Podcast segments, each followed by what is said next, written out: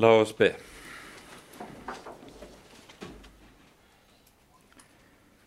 Så takker og lover vi deg, Hellige Gud, at vi har fått lov til å ha disse dagene samlet om ditt ord.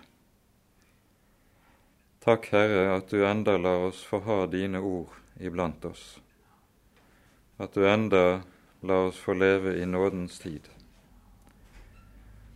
Derfor ber vi deg, Herre, at du også vil sende din Hellige Ånd. Ta deg av oss, så vi bruker nådens tid rett. At vi tar dine ord til hjertet og holder oss hos Jesus. At han får være den han skal være i våre liv, for hver og en av oss. Kom, Herre, du med din Hellige Ånd, og vær hos oss også denne siste bibeltimen. Gi oss stillhet for ordet ditt og lys i ordet ditt. Det ber vi for ditt eget navns skyld. Amen.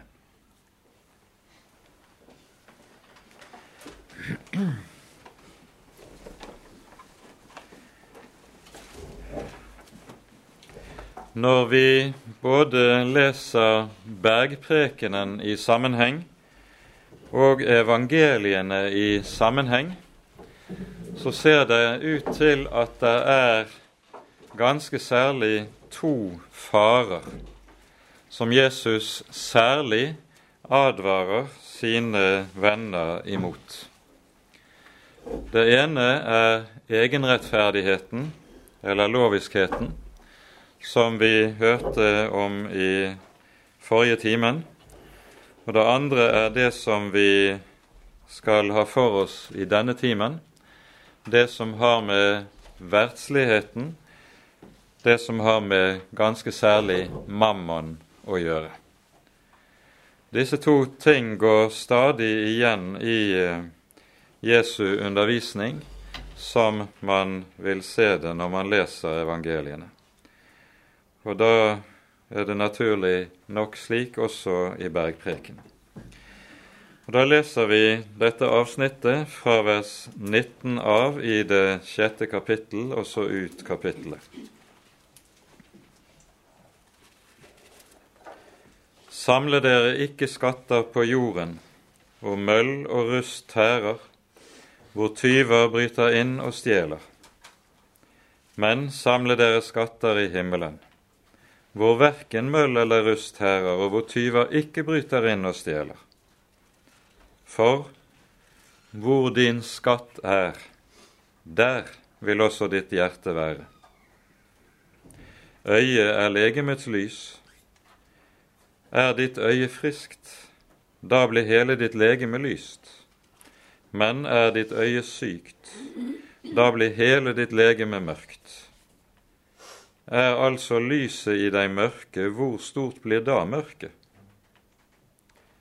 Ingen kan tjene to herrer, for han vil enten hate den ene og elske den andre, eller holde seg til den ene og forakte den andre. Dere kan ikke tjene Gud og mammon. Derfor sier jeg dere, vær ikke bekymret for deres liv hva dere skal ete og hva dere skal drikke, for deres legeme, hva dere skal kle dere med. Er ikke livet mer enn maten og legemet mer enn klærne? Se på himmelens fugler. De sår ikke, de høster ikke, de samler ikke i lader, og deres himmelske Far før dem likevel. Er ikke dere meget mer enn de? Og hvem av dere kan med all sin bekymring legge én alen til sin livslengde? Og hvorfor er dere bekymret for klærne? Akt på liljene på marken, hvorledes de vokser. De arbeider ikke, og de spinner ikke. Men jeg sier dere, enn ikke Salomo i all sin herlighet var kledd som en av dem. Men kler Gud således gresset på marken, som står i dag, og i morgen kastes i ovnen. Skal han da ikke meget mer kle dere, dere lite troende? Derfor skal dere ikke være bekymret og si:" Hva skal vi ete? Eller hva skal vi drikke? Eller hva skal vi kle oss med? For alt slikt søker hedningene etter, og deres himmelske Far vet at dere trenger til alt dette. Men søk først Guds rike og Hans rettferdighet, så skal dere få alt dette i tillegg. Vær altså ikke bekymret for den dag i morgen, for den dag i morgen skal bekymre seg for seg selv. Hver dag har nok med sin egen plage.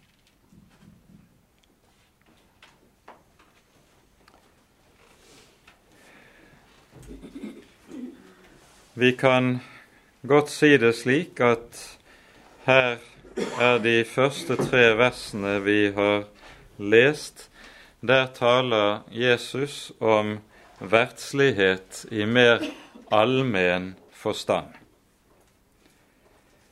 Når han taler om skatter på jorden i motsetning til skatter i himmelen, så må vi ikke begrense begrepet skatter på jorden til kun å dreie seg om det rent materielle. For det er så mange ting som kan være et menneskes skatt her i verden. I lignelsen om det store gjestebudet som vi leser i Lukasevangeliets 14. kapittel, der hører vi om hva det er som hindrer ulike av de innbudte å ta imot innbydelsen til det store gjestebudet. Den ene har kjøpt seg en aker. Det dreier seg altså om hans eiendom. Den annen har kjøpt seg okser, altså arbeidsredskap, og det handler dermed om arbeidslivet. Og den tredje har giftet seg, og det dreier seg da om familielivet. Og alle disse tre felter representerer områder i vår verden og i vårt daglige liv som kan få denne betydning at det blir et menneskes skatt. Det vil si at det får den plass i et menneskes liv og hjerte at det er det som gir livet innhold og mening, og som er det som fyller livet med betydning, og dermed til fortrengsel for det som er det ene nødvendige. For her skal vi jo vite at alle disse tingene, det er jo Guds gode gaver.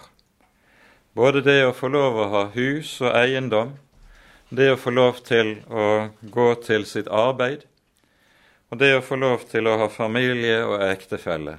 Alt dette er Guds gode gaver som vi har all grunn til å love og takke Gud for når Han gir oss det. Men så vet vi hvorledes det også er her i syndens verden. Det blir meget lett slik at skapningen tar plassen for skaperen. Gavene tar plassen for giveren. Og så blir det det som så å si opptar og fanger hjertet på en slik måte at det ene nødvendige blir salderingspost, det drukner i de mange ting. På samme måte hører vi Jesus når han taler lignelsen om de fire slags sædejord i Matteus 13, taler om tårnene som vokser opp og kveler såkornet. Der det også tale om rikdom og verdens bekymring og alt det som hører livet her i verden til, som det som kan ødelegge. Det som kan dra bort fra Herren. Det er verdsligheten. Når Jesus bruker uttrykket 'din skatt', så finner vi andre tilsvarende uttrykk for samme sak i vår bibel. Når vi hører Jesu lignelse om den rike bonden i Lukas 12, så hører vi når Gud kommer til ham og henter hans sjel, så sier han til ham, du fikk ditt gode i din levetid. Noen leser dette som om det sto 'du fikk ha det godt i din levetid', men det er ikke det det menes. Vi kan godt få lov å ha det godt her i verden og i vår levetid uten at det som hører denne verdens ting, er vårt gode. Det som er et menneskes gode, det er nettopp det samme som Jesus her kaller ditt hjertes skatt. Altså det som gir inn livet innhold og mening, og som fyller, dermed også er det som fyller hjertet. Og så er det Jesus da legger frem for oss her, at her dreier det seg om et stort og et avgjørende enten-eller. Han sier, for hvor din skatt er, der vil også ditt hjerte være. Det er intet annet enn en åndelig grunnlov. Sånn er våre hjerter laget, at her har vi vårt gode i denne verdens ting. Da er det der hjertet befinner seg. Man kan godt være religiøs, man kan godt gå i kirken osv. Og, og ha en viss religiøst liv, mens hjertet, hjertet likevel hører noe annet til. For det Jesus her setter fingeren på og taler om, er nettopp hva er det som eier våre hjerter? Hva er det som eier våre hjerter? Og det innebærer jo også dypest sett at her taler Jesus i hele dette avsnittet om det første bud. Han utlegger egentlig det første bud for oss, og taler om hvorledes de mange ting som hører denne verden til, kan komme til å bli avguder for oss. Jesus er også her den som utlegger loven. Og det er altså det første og det største bud som det dreier seg om. Vi nevnte ikke i går det som men kan kanskje ta det frem i dag, at i det store og viktige Messias-profetien i Første Mosebok 49, der vi hører Jakobs velsignelse over sine sønner, og der i, i velsignelsesordene over Juda hører løftet om den kommende freds fyrste, så står det der ikke skal kongespir vike fra Juda og ikke herskerstav fra hans føtter. Så har dette helt fra lenge før Jesu tid av blant jødene vært lest som en av de sentrale Messias-profetiene. Her er det slik at det ordet som i våre bibler er oversatt med herskerstav, det hebraiske mechokek, det betyr egentlig lovgiver eller lovgivningsmyndighet. Og På bakgrunn av det så har man innenfor jødedommen alltid lært det at når Messias kommer, så skal han også bringe ny lov. Du finner en rekke uttrykk for dette blant de jødiske lærde. Og antagelig er det ikke minst noe av dette Jesus også knytter til når vi hører ham flere ganger i Johannesevangeliet sier et nytt bud gir jeg dere. det nye med det budet for øvrig, når han sier at dere skal elske hverandre, så er det kjærlighetsbudet i og for seg ikke nytt. Men det nye i dette budet er at han føyer til et likesom. Dere skal elske hverandre like som jeg har elsket dere. Og Dermed blir budet nytt, fordi kjærlighetsbudet da kommer til å få den betydning at det blir en gjenklang av og en gjenskinn av Kristi kjærlighet til Hans nåde overfor oss. Og så er det nytt. I sannhet er det nytt. Men altså, her er altså Jesus lovgiveren, som utlegger loven og anvender den slik at vi ser en dybde i hva som ligger i det første bud, som ikke uten videre er, kommer frem klart og tydelig når man leser Mosebøkene. Men dog, det er rikelig med forbilder på den sannhet som vi her møter, også i Det gamle testamentet. For å minne bare om et par viktige avsnitt. Først i Første Moseboks 14. og 15. kapittel. Her hører vi i Første Mosebok 14 eh, om hvorledes Abraham har vært av gårde og beseiret disse kongene som hadde tatt Lot og Sodoma og Gomorras innbyggere til fange på et herjetog.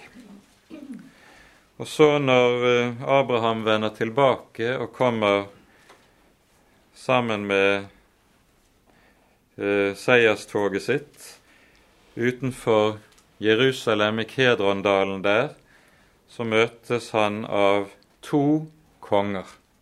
Det er Melkisedek som kommer ut til ham fra Jerusalem, og så Sodomas konge som kommer til ham nedenfra fra Dødehavsregionen.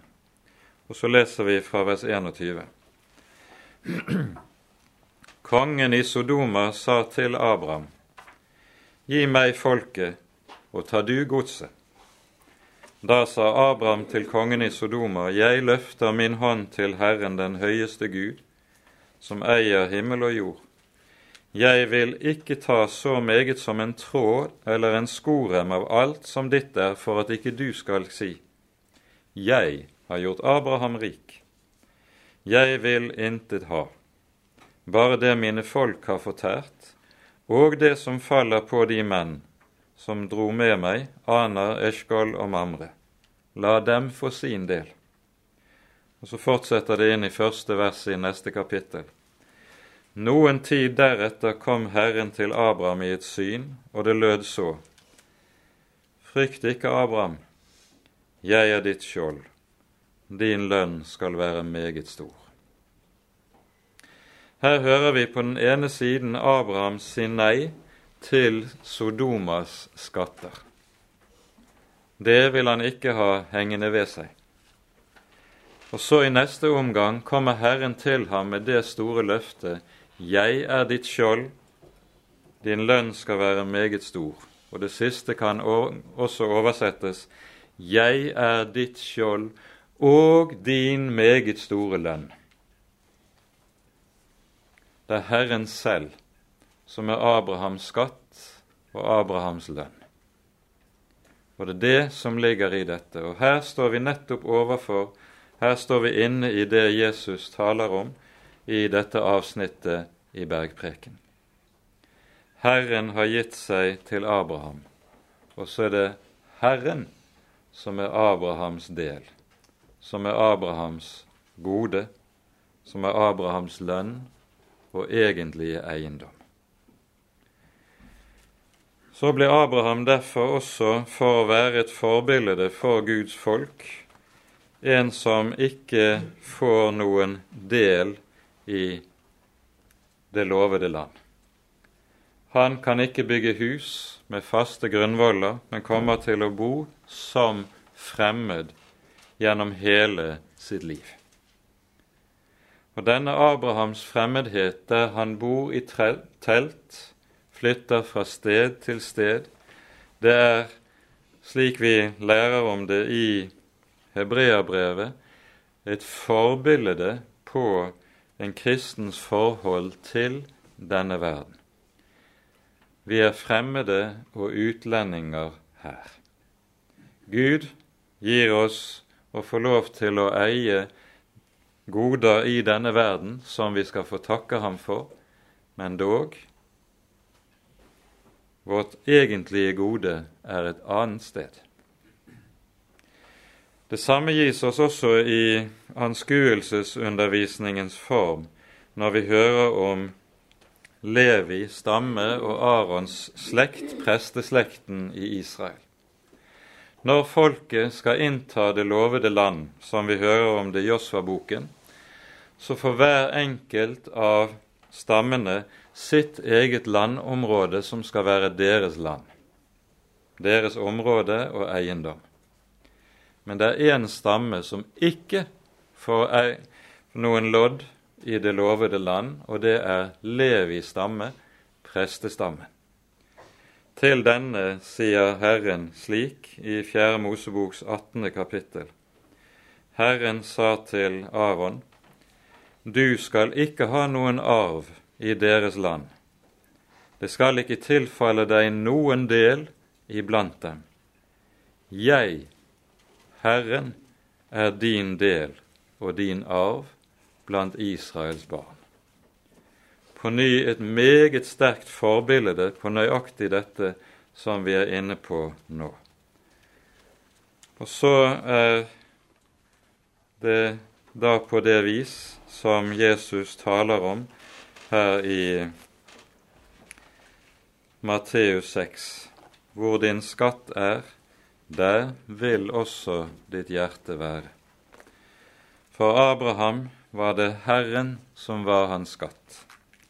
For Aron og hans stamme var det Herren som var hans del og hans lodd. Hvor er din skatt? Hva er din skatt? Så fortsetter dette avsnittet som vi her er inne i, med noe som ofte har vært vanskelig å forstå. Vers 22 og 23, der Jesus sier 'øyet er legemets lys'.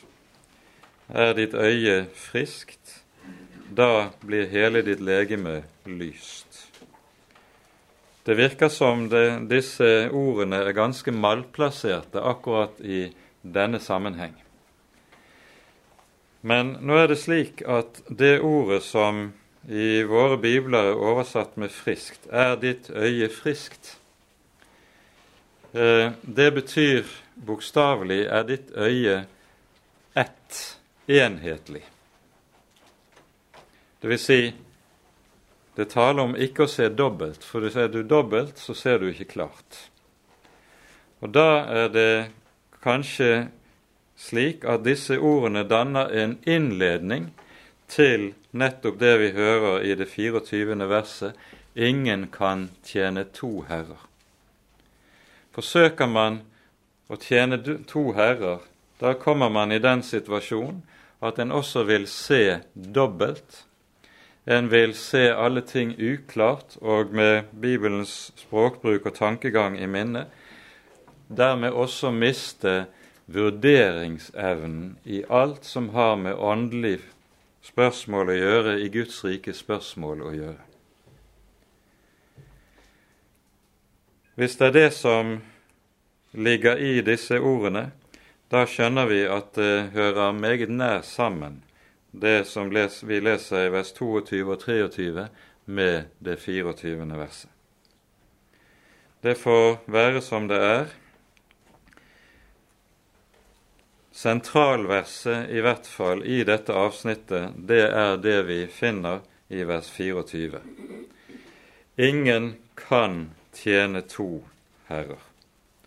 Han vil enten hate den ene og elske den annen, eller holde seg til den ene og forakte den annen. Dere kan ikke tjene Gud og mammon. Også her er det slik at, som vi hørte om det i forbindelse med Jesu ord om saltet og lyset, at Jesus her ikke gir noe påbud.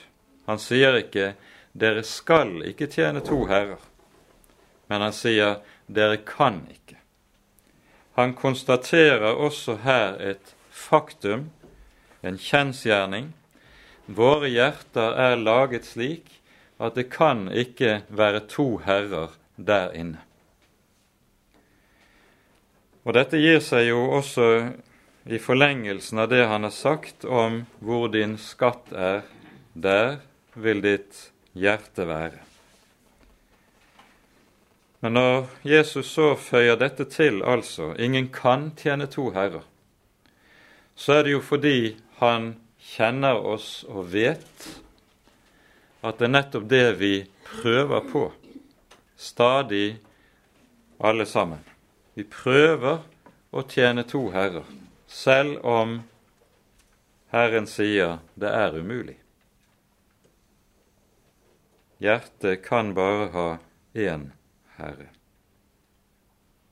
Han vil enten elske den ene og hate den andre, eller holde seg til den ene og forakte den andre. Dere kan ikke tjene Gud og mammon. Enten eller. I går hørte vi også i forbindelse med saligprisningene det ble nevnt dette at i forbindelse med 'salige er de rene av hjerte', så sikter dette uttrykket å være ren av hjerte ikke til det å være ren i moralsk forstand, men til nettopp det å ha et udelt hjerte. Og det er samme sak altså Jesus fortsetter å tale om i denne sammenheng. Ingen kan tjene to herrer. Og så kjenner vi oss selv og vet vi hvordan vi er selv. Våre hjerter er så usigelig delte. I møte med dette er det vi hører en bønn som vi kan lese den i Salme 86. Gi meg et udelt hjerte til å frykte ditt navn. Slik ba Herrens troende den gang, og slik trenger vi visst å be noen enhver, også i dag. Herre, jeg vil vandre på dine veier, lær meg. Gi meg et udelt hjerte til å frykte ditt navn. Det er det ellevte verset i Salme 86. Hva er det så som ligger i dette, og hvordan får man et udelt hjerte? Hvordan kommer man i den stilling at det er bare ett som virkelig betyr noe for meg? Det skjer gjennom det som vi kan lese gjennom hele Skriften. For å ta ett eksempel når du leser den 40. salmen og hører David rope til Herren. Jeg biet på Herren. Da bøyde han seg til meg og hørte mitt rop. Og han dro meg opp av fordervelsens grav, av det dype din. Han satte mine føtter på en klippe. Det som er Davids situasjon, som han sitter i her, det er at han sitter i det dype dynnet. Bildet er kvikksand der en mann har gått seg fast. Det verste du kan gjøre når du sitter i kvikksand, det er å begynne å kave for å komme fri. Da vil du bare synke fortere og sitte desto mer fast. Det eneste man kan gjøre da, det er i sin nød å håpe at noen kommer utenfra, noen som står på fast grunn, kan komme og dra meg opp. Da hjelper det ikke hva jeg enn kunne streve med meg selv for å få hjelp. Jeg må ha hjelpen utenifra. nettopp dette er det som er situasjonen for hver den som virkelig lærer Herren å kjenne. Han har oppdaget at jo mer han strever med seg selv for å komme løs, komme løs fra det som binder han, komme løs fra mammaen, komme løs fra synden, komme løs fra sitt delte hjerte, jo mer sitter han fast. Alt han strev med seg selv gjør det bare verre, ikke bedre. Det er som kvikksanden du sitter i. Da bøyde han seg til meg og hørte mitt rop. Det er denne fallitten i forhold til eget strev, arbeidet på seg selv, som gjør at en bare har ett håp å se opp til en annen som kan hjelpe. Da er det bare én som kan hjelpe. Da er det man kommer i den stilling at hjertet blir ett. Det er rettet på én, Han som kan hjelpe. Han som kan frelse. Han som er den eneste som kan dra meg opp og sette mine føtter på klippen. Da er det også den nye sangen kommer i et menneskes liv. Ingen kan tjene to herrer, sier Jesus. Han vil enten elske den ene og hate den andre. Dere kan ikke tjene Gud og mammon. Med det Jesus her taler om, så peker han også på en annen sak som er meget viktig for oss å være klar over. Mammon er jo benevnelse på velstand, på pengene, og det at pengene og velstanden kan komme til å få den betydning for menneskene at de blir som avguder. Nå er da vår nød dette at mamma nettopp tjener til å dra våre hjerter til seg, så han meget lett blir en avgud. Og så må vi lære det avgjørende å skjønne at forholdet vårt til pengene først og fremst er et åndelig spørsmål. Det er meget viktig for en kristen å være klar over akkurat det. Ditt forhold til pengene er først og fremst et, forhold, et åndelig spørsmål, og som har med ganske særlig dette som vi nå taler om, ditt gudsforhold å gjøre. Du kan ikke se de to ting løsrevet fra hverandre. Henry var inne på i går dette at Jesus skulle ha nøklene til alle rom i livet vårt. Har han også nøkkelen til det rommet som har med mammon og pengene å gjøre? Eller har jeg holdt det unna slik at der, når det gjelder det, vil jeg styre selv? Her er det vi står overfor noe som er et problem for oss som kristne. For når det gjelder andre synder som en kristen kan falle i, så er de gjerne åpenbare og tydelige og klare. Stjeler du, så vet du veldig godt om det selv. Og andre vet det. Drives der hor, likeså. Er du uforsonlig og legger noen for hat, det samme. Men hva med mammon? Elsker du mammon, så kan du gjøre det uten at noen blir det var. Uten at noen ser det, og du kan gå for å være en god kristen og et fromt menneske likevel. Forholdet til mammon er først og fremst et åndelig spørsmål, der det handler om å lære å se rett på seg selv og sitt eget liv har Herren fått dra meg opp av fordervelsens grav, av det dype dynn, sette mine føtter på klippen, så vet jeg dermed også livet mitt er ikke lenger mitt eget. Jeg hører en annen til. å øve seg å tenke slik om det som har med forholdet til de verdslige ting å gjøre, denne verdens ting, det er vanskelig for oss. Og her kommer vi til kort, tror jeg, alle sammen, hver eneste dag. For vi må her understreke en viktig sak. Jesus lærer oss ikke å være asketer. Selv om vi hører at det er noen som får befaling om å forlate all sin eiendom i Det nye testamentet, så er det ikke, ikke dette noen allmenn befaling. Vi hører også om mennesker som er rike, og som hører til den troende menighet, også i Det nye testamentet, og de lastes ikke for sin rikdom. Det er ikke forbudt å ha mye penger eller å være rik i denne verden.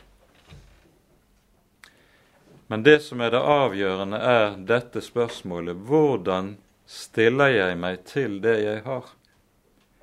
Er hjertet mitt bundet av det, eller er jeg fri i forhold til det, i det jeg vet at alt jeg eier, det er dypest sett Herrens? Det er jo dette vi ber hver gang vi, hos oss i hvert fall, har offer i kirken av ditt eget gir vi deg tilbake. Det er en viktig bønn som lærer oss hvordan vi nettopp skal se på det vi har. Vi har fått av Herren. Det hører dypest sett Herren til, og vi er forvaltere, og så gir vi tilbake.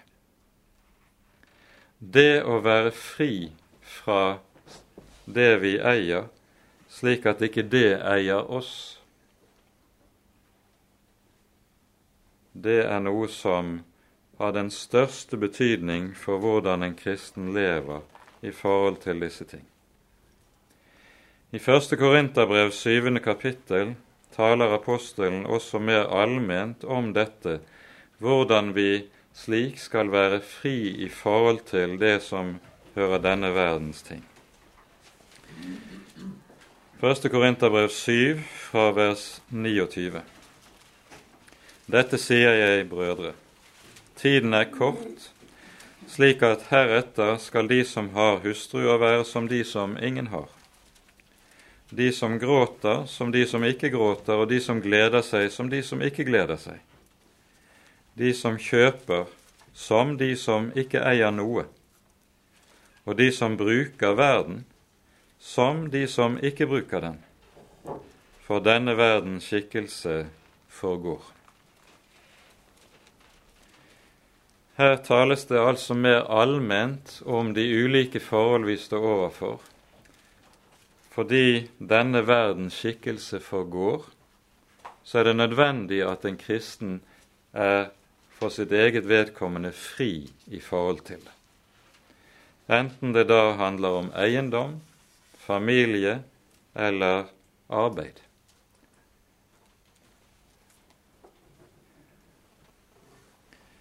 Dere kan ikke tjene Gud og mammon. Hvorfor er mammon så farlig, slik som Det nye testamentet lærer oss det? Det henger sammen med flere egenskaper ved mammon. For det første har mammon det ved seg at han, den som har mye av mammon, han er trygg. Har du mye av pengene, så roper mammon til deg Stol på meg. Så bygger man sin trygghet på nettopp det at jeg har jo alt hva jeg trenger. Det er den store fare for oss nettopp i det velferdssamfunn vi lever i. Vi har alt vi trenger, og derfor behøver vi ikke å stole på Gud. Når man har mye av mammon, så sier man da er jo fremtiden sikret eller trygget. Etter Guds ord er de jo så langt ifra det, men slik tenker altså menneskene. Mammon gir menneskene en falsk følelse av trygghet. Derfor er han farlig. For det andre så gir mammon menneskene også en stor grad av følelse av frihet. Den som har meget av mammon, han kan jo gjøre akkurat hva han vil. Han kan reise dit han vil, han kan kjøpe det han vil, han kan gjøre hva han måtte lyste og ønske. Og Dermed så gir mammon som ingenting annet anledning til at selvlivet og egoismen kan få utfolde seg. Derfor er mammon så farlig. For det tredje har mammon det også med seg at det gir et menneske anledning til å føle seg stort og betydningsfullt. Den som har mye penger, han blir regnet med. Han blir sett opp til som en viktig person som har stor betydning. Han kan jo utrette meget med pengene. Ja, det kan han. Men i Guds rike sammenheng er det ofte slik at de som har mest penger, har minst betydning. Det skal vi også være oppmerksom på. Men det at mennesker slik tillegges meget stor betydning når de har mye av mammon, det gir også anledning til veldig stor og sterk selvfølelse. Og så blir ydmykhet sjelden vare der hvor det er meget av mammon. Hovmodet er meget mer nær. Slik ser vi at mammon virker på oss og utnytter vår syndige svakhet til at alt mulig ondt får rom i hjertene våre. Derfor er mammon farlig. Og Derfor er det altså også at Jesus taler så alvorlig om forholdet til mammon. Ingen kan tjene to herrer, enten eller. Så kommer fortsettelsen og avslutningen på dette kapitlet, der Jesus så taler om bekymringen. Og Det er en annen side ved forholdet til denne verdens ting. Og Vi skal legge merke til at vers 25 innledes med ordene 'Derfor sier jeg dere, vær ikke bekymret for deres liv. Hvorfor dette 'derfor'? Jo, det henger sammen med at all bekymring dypest sett, slik Jesus lærer oss det, henger sammen med at et menneske prøver å tjene to herrer. Når jeg engster meg i så sterk grad for min fremtid, hva er det muligens som man kunne skje? Er det det ene eller det annet? Noen mennesker ris jo stadig av en engstelse for en bekymring for hva som muligens kan komme til å inntreffe hvis slik eller hvis slik. Det kommer av først og fremst dette at hjertet søker å tjene to herrer at hjertet har noe med seg at det gjerne vil, eller tenker som så, fremtiden er dypest sett i mine hender, i våre hender. Og hvis den er i mine hender, da har jeg jo all grunn til å være bekymret. Da må jeg lete etter alle muligheter for å kunne sikre meg, for å være trygg, for at ikke det ene eller det annet eller det tredje ulykkelige skal komme til å ramme meg eller mine kjære. Fremtiden i mine hender, det er all bekymrings fremste årsak. Samtidig legger Jesus dermed frem for oss noe av det som er den stadige øvelse for et Guds barn som vi skal se hen til, imot. Ordene i Salme 37, 5. Sett din vei i Herrens hånd, og stol på ham. Han skal gjøre det. Det Jesus her taler om, det er at det å være en kristen, det er å legge livet fra seg, legge livet over i en annens hender slik at jeg ikke skal ha det i mine egne hender. Fremtiden er i Guds hender, ikke mine.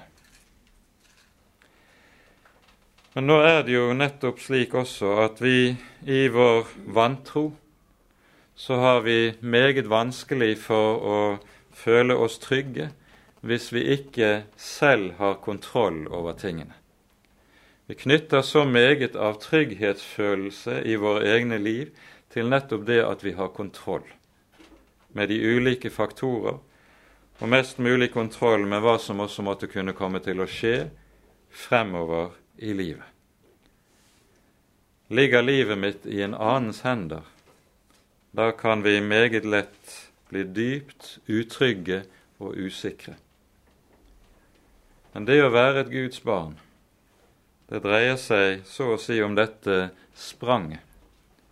Livet skal legges over i en annens hånd, i Hans hånd som er Herre, som er Gud, som er Far. Og det er det Jesus taler om i de vers som nå følger.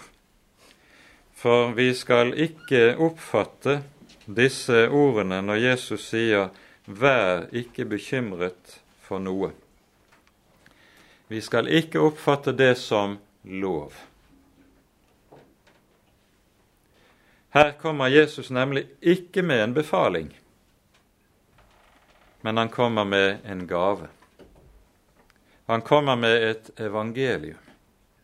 Han sier nemlig 'Du har en far' Det er jo til sine disipler han taler her. Du har en far som tar seg av din sak. Hvorfor skal du da være bekymret? Du har en far som sørger for deg i alle ting, i stort og smått. Hvorfor skal du da være bekymret? Se på liljene på marken. Når Han som er far, vet å kle dem, som i dag står i blomst og i morgen kastes i ovnen. Hvor meget mere da du? Se på fuglene under himmelen.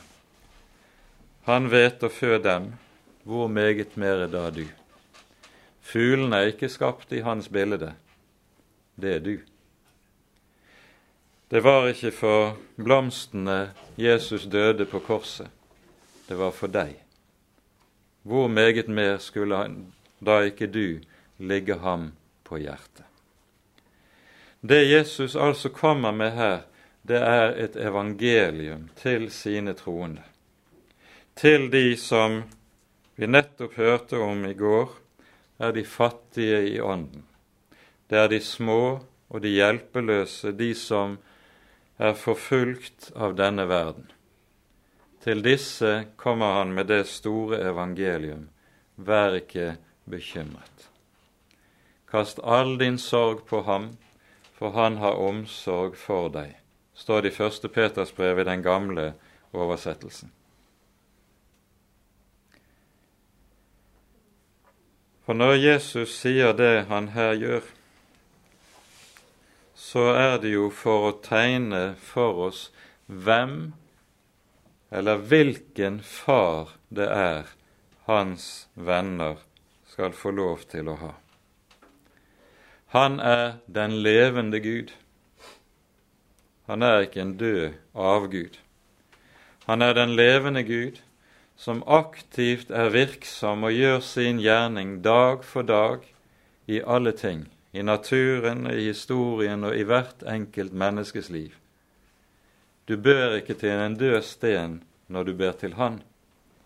Du ber til den levende.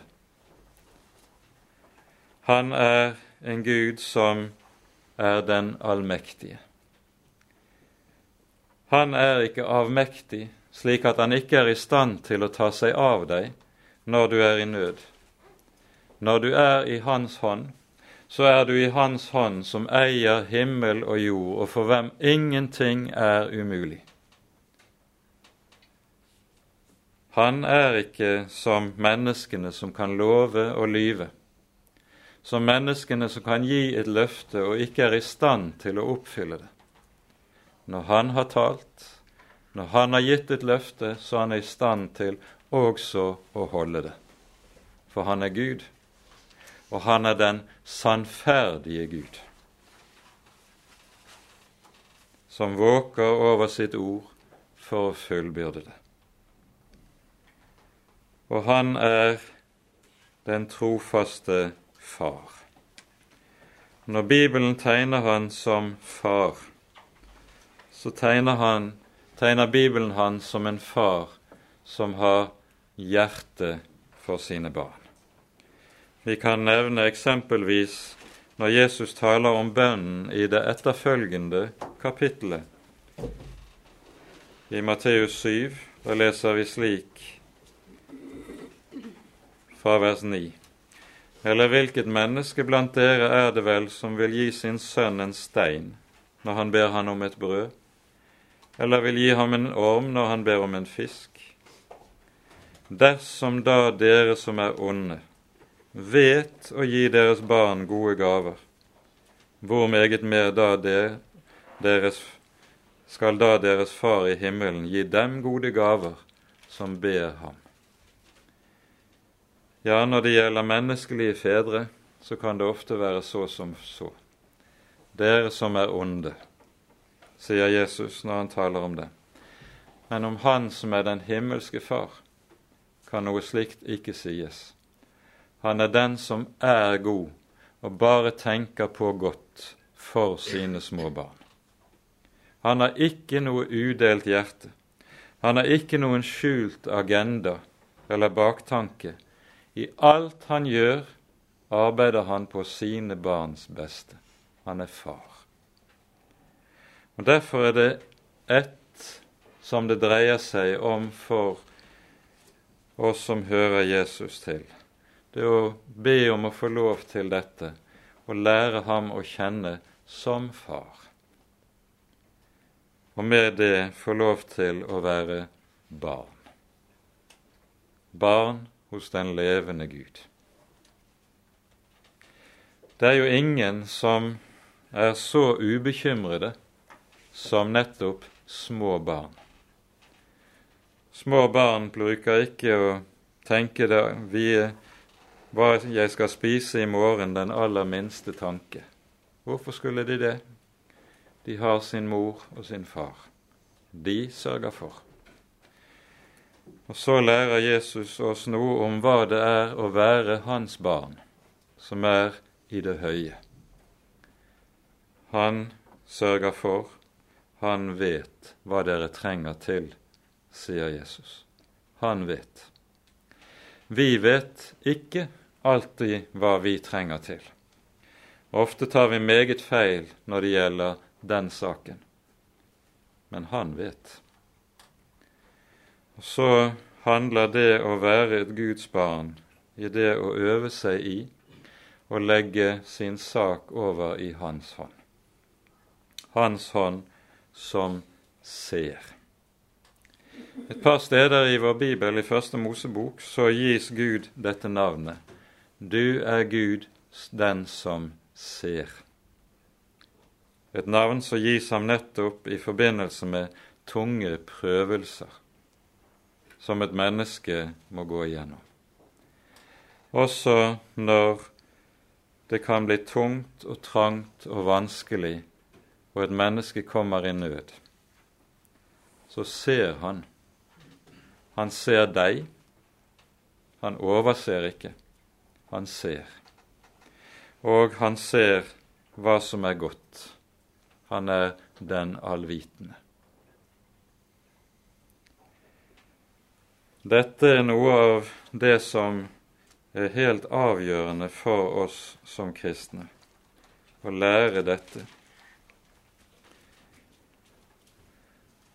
Deres far vet at dere trenger til alt dette. Og at det vi her hører, er evangelium. Det ser vi også ikke minst i det Jesus sier, hvor meget mer skal han ikke da kle dere dere lite troende. For det ligger snublende nær for oss i denne sammenheng å tenke ja, et slikt forhold til Gud, det er jo noe som er forbeholdt de som har en sterk tro. Men hva med meg, jeg som har så lite tro, som det er så skrøpelig med troen til? Men her sier altså Jesus, hvor meget mer skal han ikke sørge for dere lite troende? Det å ha en stor tro er ingen betingelse for å stå under Guds omsorg. Det er ingen betingelse for å få Hans hjelp. Han tar seg også av de som har en liten tro, en skrøpelig tro, en fattig tro, en tro som er så liten at de knapt våger å tale om den i det hele tatt. For det å være en kristen, det er og har aldri vært noe annet enn det å komme til Jesus med sin hjelpeløshet.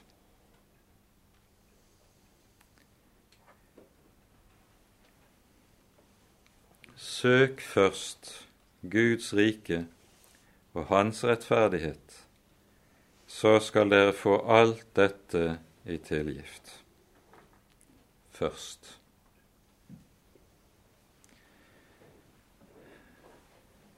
Sett din vei i Herrens hånd. Bokstavelig står det 'velt din vei over på Herren'. Og Det er jo dette som ligger bak salmen som vi kjenner 'Velt alle dine veier'. For hva er det vi skal få lov til? Vi skal få velte vår bekymring, vår nød, over på ham. Vi skal få velte vår synd, vår misgjerning, våre delte hjerter over på ham. Vi skal få velte alt over på ham. Og så sier Skriften Han er rik nok for alle som kaller på ham. Ganske særlig for de minste og de fattigste som kaller på ham. For han som ikke sparte sin egen sønn, hvor meget mer, men ga ham for oss alle, hvor meget mer skal han også gi alle ting med ham. Ære være Faderen og Sønnen og Den hellige ånd, som var og er og være skal, en sann Gud, høylovet i evighet. Amen.